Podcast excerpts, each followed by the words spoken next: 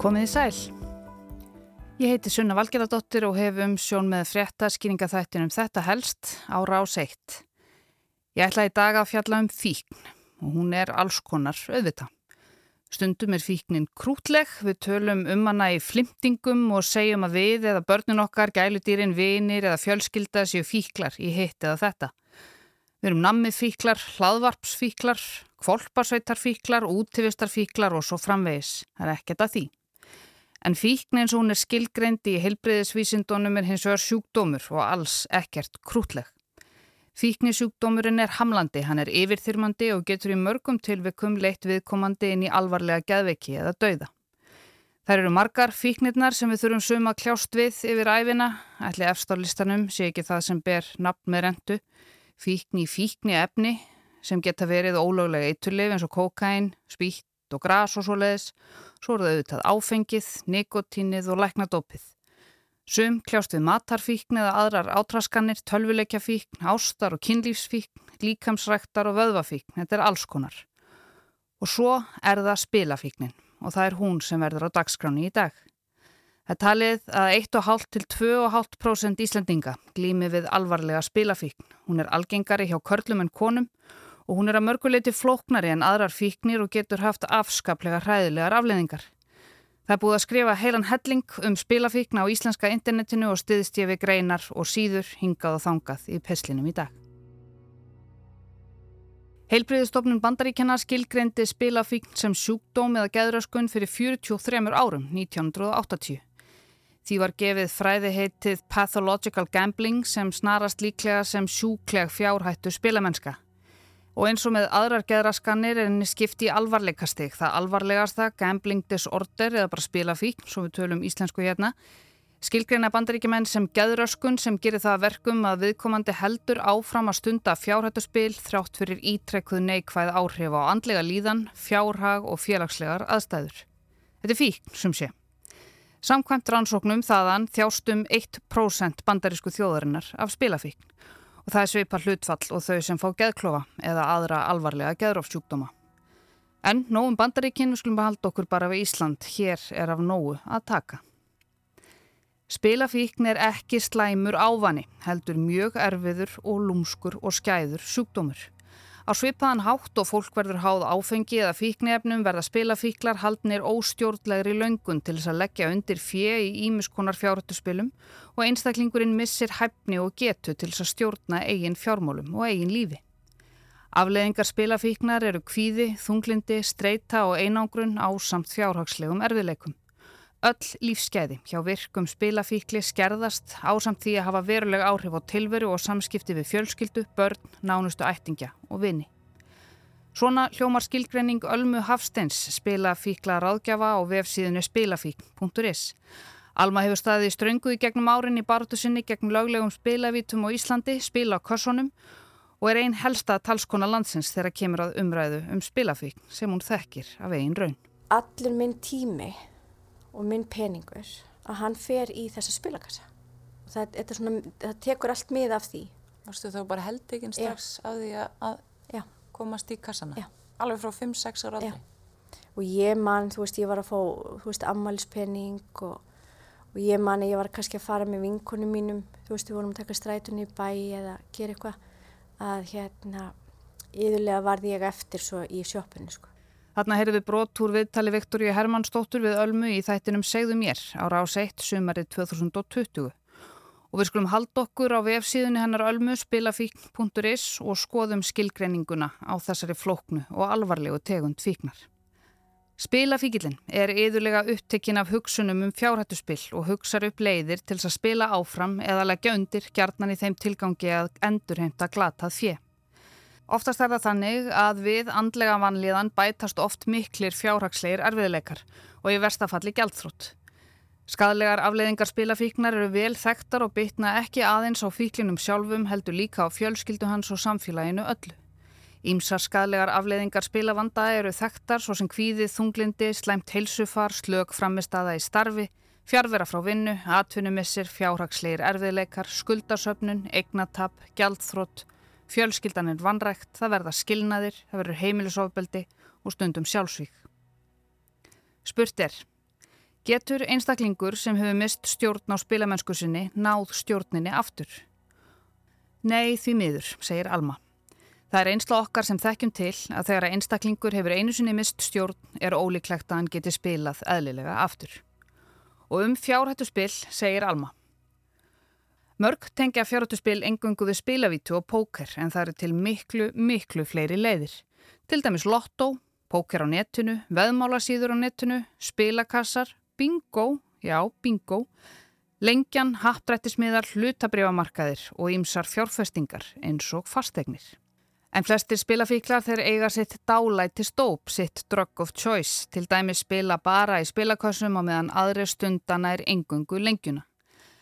Og þær eru fleiri vefsíðunar sem fjalla um spilafíkn á vefsíðunni meðferð.is sem sál meðferðarfræðingurinn Páll Einarsson heldur úti, segir um spilafíkn. Þetta er erfið fíkn að kljást við, bæði þegar kemur að því að losna úr viðjumennar eða skilja eðleganar. Það er ekki fyrir en algjör örvænting grýpur um sig sem margir spilafíklar viðkenna fyrir sjálfum sér og öðrum að um vandamál sé að ræða og láta undan þrýstingi skildmenna um að leita sér aðstóðar. Spilafíkn flokkast undir svo kallaða atferðlisfíkn. Net, kynlífstrúar, eðslu og sjónvarsfíkn eru önnur dæmi um atferðlisfíknir þar sem ekki er um beina neyslu efnis að ræða. Áfengis, matar, reykinga og livjafíkn eru dæmi um intökufíknir. En atverðilsfíknir þá framkalla spilafíkilinn breytt ástand innra með sér með því að yfka ákveðnar aðtapnir. Það er að segja hann kemst í ákveðna leiðslu sem síðan heldtekur hann. Leiðsla er ástand sem við upplifum öll á vissum stundum lífsokkar eins og til dæmis þegar við verðum ástfongin eða erum bara hlusta á góða tónlist. En fyrir spilafíkilinn er þessi leiðsla mun sterkari og er bundin við spilin og þær sterku tilfinningar sem spilaferlið kallar fram. Í leiðslunni ropnar tilfinning einstaklingsins við raunveruleikan og hann flakkar á milli vímunar og veruleikans yfirleitt án þess að aðrir veitið í aðtegli. Leiðslan hjálpar fíklinum að losna undar sársöka, skömm og sektarkent. Og með því að spila þjálfar spilafíkilin sig í því að breyða yfir sárar tilfinningar og afnetta þeim. Deyfa sig með spilunum. En smám saman fer spilafíkitinn að flýja meira og meira á náðir leiðslunar í stað þess að takast á við erfiðar tilfinningar eins og einmannaleika, almenna vannlíðan og áföll, en stór hluti af bataferli fíkilsins fælst einmitt í því að læra að takast á við tilfinningar sínar og líða vel með sjálfum sér. En það sem gerir þetta ferli svo erfitt er svo tilfinning að stóri vinningurinn sé skamt undan og ef bara sé spilað aðeins meira það mun hann kannski nást og þar með muni áhyggjur, kvíði og skömm sem spilamennskan hefur skapað hverfa eins og dögg fyrir sólu. Og svo skömm og sektarkend sem hlýst af spilafíkninni verður svo eldsniti fíknarinnar þar sem spilafíkillin næri ekki að slökkva á þessum sterku tilfinningum nema með því að fara í leiðslu fyrir framann karsan eða fyrir framann spilin eða fyrir framann skafmiðan eða hvað svo sem það er. Einn af ástæðum þess að margir spilafíklar halda áfram að spila þó að stjórnlesið og vanlíðaninn aukist er afnettun Gamla, góða afnittunin, hún er sterk. Til þess að halda áfram að spila og komast í sína leiðslu þá réttlættir fíkillin fyrir sér atferðlið og ímsan hátt. Til dæmis með því að segja við sjálfa sig, ég ætla bara að eigða klinkinu í vasanum í spilakassan og svo ekki meir. Útkoman verður þó oftast svo að öllum peningunum sem eru til reyðu er eitt í kassan því fíknin er svo sterk að ekki verður við neitt ráðið og mikil reyði og mikil sársöki sest ofta að hjá aðstandendum spilafíkilsins því þeir hafa á tilfinningunni að spilamennskan skipti fíkilin meira máli en fjölskyldan. Að get ekki treyst spilafíkli fyrir fjármunum eða vit ekki hvort hann sé að segja satt skapar sundrung í fjölskyldunni og fjölskyldan þráist oft mjög mikið og dæmi eru um að mánaðar kaup hafi horfið á útborgunardegi og jafnvel heilu húsin verið seld vegna skulda og sá vannmáttur sem fjölskyldan upplifir getur hæglega leitt til þunglindis og króniskar vannlíðunar og ítt undir meðvirkni. Og það má með sanni segja að spilafíkn sé alls ekki engamál því vannlíðansú sem af henni hlýst snertir ekki einungi spilafíkilinn heldur alla hans nánustu fjölskyldu sem og vini og vinnuveitundur. Og að lokum segir sál meðferðarfræðingurinn Páll Einarsson er verðt að geta þess að bataferli frá spilafíkn hefst ávalt á því að láta af afnettun og viðurkenna fyrir sjálfum sér og öðrum að um vandamál sé að ræða. Fyrir en það gerist er lítið hægt að gera og þegar búið er að viðurkenna vandan er mikilvægt að sækja sér aðstóðar til þess að fá insýn inn í spilafíknina og stuðning til þess að halda sig frá fíkninni. Daniel Þór Ólason, professor í sálfræði við Háskóla Íslands, hefur gert nokkra rannsóknir á spilafíkna á Íslandi, bæði meðal fullorðina og unlinga. Þær síndu að algengi spilavanda unglinga var á bylunu 2-3% og þetta síndi líka að drengir voru miklu líklæri en stúlkur til þess að skeimast með spilavanda og mögulegir áhættu þættir spilavanda unglinga voru aðteklisbrestur með ofvirkni, reglubundin neysla áfengis og annara vímuöfna og reglubundin þáttaka í peningaspilum eins og spilakössum, póker og veðmálum á netinu. Þetta eru nokkuð gamlar rannsóknir hjá hann um Daniel en það er að finna viðtalviðin inn á vefsíðu háskólans þar sem hann segir að frekari rannsóknar sé þörf og það þurfið að koma á laginnar sérstakri meðferðar stöð hér á Íslandi fyrir spilafíkn. En það er líka til síða á netinu sem heitir lokum.is og henni er haldið úti af samtökum áhuga fólksum spilafíkn. Lokum vísar til lokana spilakassa og þar segir Árið 2019 tók sig saman hópur áhuga fólksum málefni spilafíkla og stopnaði samtök áhuga fólksum spilafíkn, SAS. Og fyrsta stóra verkefni samtakana var viðhorfskönnun sem framkvæmt var af Gallup í mæ 2018 og niðurstöður þeirrar viðhorfskönnunar voru afgerandi og kom þar meðal annars í ljós að 86% íslensku þjóðarinnar vill að spilakassar verði áfram lokaðir eftir COVID-19 og þá til frambúðar. Svo kom fram í frétti af af sumari 2020 að Kvorki Rauði Krossin nýja slísavarnarfélagi Landsbjörg higgjast hætta aðkomusinni að Íslandsspilum sem reka fjölda spilakassa. Spilakassar eru það fjárhættu spil sem er mest ávanabindandi, þrísvart til fjórusunum meira ávanabindandi en til að mynda póker eða íþróttaveðmál. Spilakarsar hér á landi eru reknir af tveimur, Íslandsspilum og svo hattrætti Háskóla Íslands. Íslandsspil eru í eigu Rauðakross Íslands, Landsbjörgar og þarna sumarið 2020 átti S.A.A. líka hlut í því. En stjórn S.A.A. samþykti í desember 2020 að hætta rekstrinum. Og á lokum.is er hægt að skoða allskynns fróðleik og lesa reynslusugur fólks af heimi spilafíknar. Ég saði sjáumst í kvöld en hún svaraði mér ekki. Það var í síðasta skipti sem ég sá hann á lífi. Þetta segir Bjarni Jónsson um móður sína sem var spilafíkill og hún svifti sér lífi þegar Bjarni var 13 ára. Pappi minn er spilafíkill. Þegar ég var barn tapaði hann aðlegunni, dætti í það og kerði fullur á tré. Ég held að hann hafi ætlað að drepa sig. Hann áði sér á stryk, edru og lausu spilakassana í 25 ár, fekk góða vinnu og egnaðist aftur íbúð og bíl. Þegar hann þurfti að hætta að vinna sjötugur þá fór hann um að leiðast og byrjaði að kíkja aftur í spilakassana. Í hvert sinn sem ég komst að því að hann hefði spilað lofað hann að hætta. Eitt daginn kom ég í heimsókn og hann sagðist fyrir að sína mér svo litið. Opnaði skuffu og hún var full af seglum. 350.000 sagði hann sem hann hafði unnið í spilakassa. Ég fekk áfall og ákvað að kíkja á netbankan hans sem ég fór inn á með honum mánaðarlega til að borga rekninga. Þá sá ég að peningurinn hans var horfin. Hann hafði eitt 1,1 miljón í spilakassa á tveimur vikum eftir hann vann þessar 350.000 krónur. Þetta segir ung kona á höfuborgarsvæðinu, Marja, um föður sinn. Einan nótt átti ég fyrir heilu einbílishúsi af bestu gerð. Næstu nótt átti ég ekki neitt. Í rauninni fór ég aldrei yfir mín mörg því spilafíkil sem er virkur á sér engin mörg. Hann þarf bara að verða sér út um fér til að geta spilað. Þetta er haft eftir manni sem heitir Árni og er komin yfir miðjan aldur. Hann hafi tapað 20 miljóna í spilakossum en hefur nú ekki spilað í 15 ár. Þetta eru sláandi frásagnir og því miður eru þær miklu, miklu fleiri. Bara núna fyrir nokkrum dögum byrtust fregnir hér af fótboltakempunni Eið Smára Guðjónsson þar sem hann fagnaði nýri reglubreitingu hjá ennsku úrvalstildinni í fótbolta sem bannar veðmálafyrirtækjum að auglýsa framann á treyjum liða í dildinni. Eiður tapaði sjálfur rúmum miljardi í veðmálum þegar hann var á toppi ferilsins. Vísir fjallar á um málið og vittnar í Daily Mirror sem tók viðtal við Eðsmára þar sem hann segist hafa tapað 6 miljónum punta fyrir 20 árum síðan, rúmi miljardi íslenskar króna. Þaraf hafa hann tapað 400.000 puntum, tæpum 70 miljónum á 5 mánuða tímabili.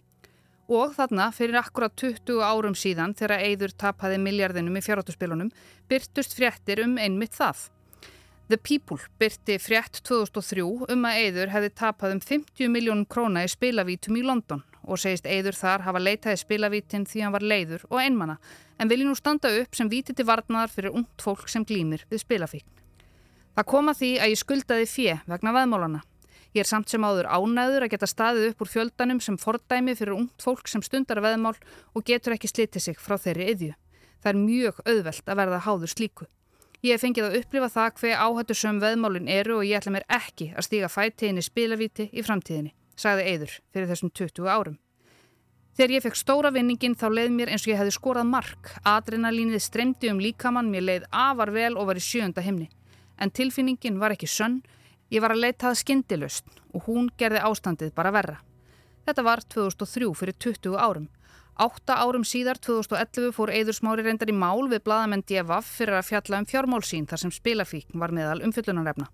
Bladamennin voru síknaðir og það var ekki fallist á að það hefði verið brotið gegn friðhelgi engalífs eðs með umfjöllunum spilafíknans. Vísað var til þess að um hefði verið að ræða endursögn umfjöllunar eins og ég var að gera bara núna rétt á þann sem áður hefði byrst ofinberlega hjá öðrum fjölmiðlum og að Eður hefði sjálfur gert spilafíkn sínað umtalsefni í viðtölum. En svo komu fleiri fréttir enn nýri árið 2018 um Eið þar sem hann saðist alls ekki vera spilafíkill og að breska pressan hafi bara fundið frétt og búið til úlvalda úr mýflugu. Umbóðsmaður minn ráðlaði mér að fara í þetta viðtal og þetta er sannilega versta ákvörðun sem hefur verið tekinn því kjölfarið halda allir að ég sé spilafíkil. Ég hef farið í spilavíti en ég er ekki spilafíkil, saði Eður fyrir 5 árum. Og eins og Eðursmári saði þarna 2003 fyrir 20 árum þá er til laust með spilafíkn þó að það geti verið erfitt að sjá hana eins og dæminn sanna.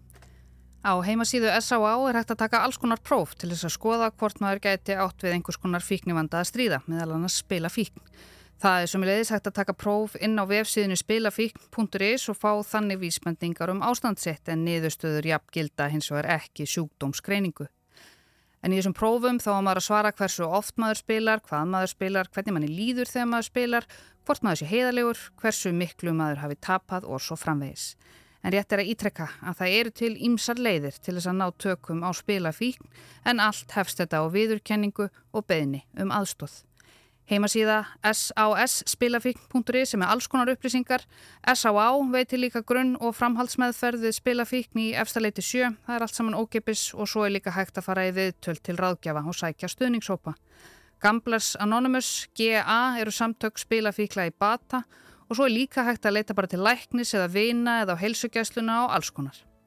En ég heiti Sunna Valgeradóttir og spilafíkn var helst hjá mér í dag. Takk fyrir að leggja við hlustir og við heyrumst aftur á morgun.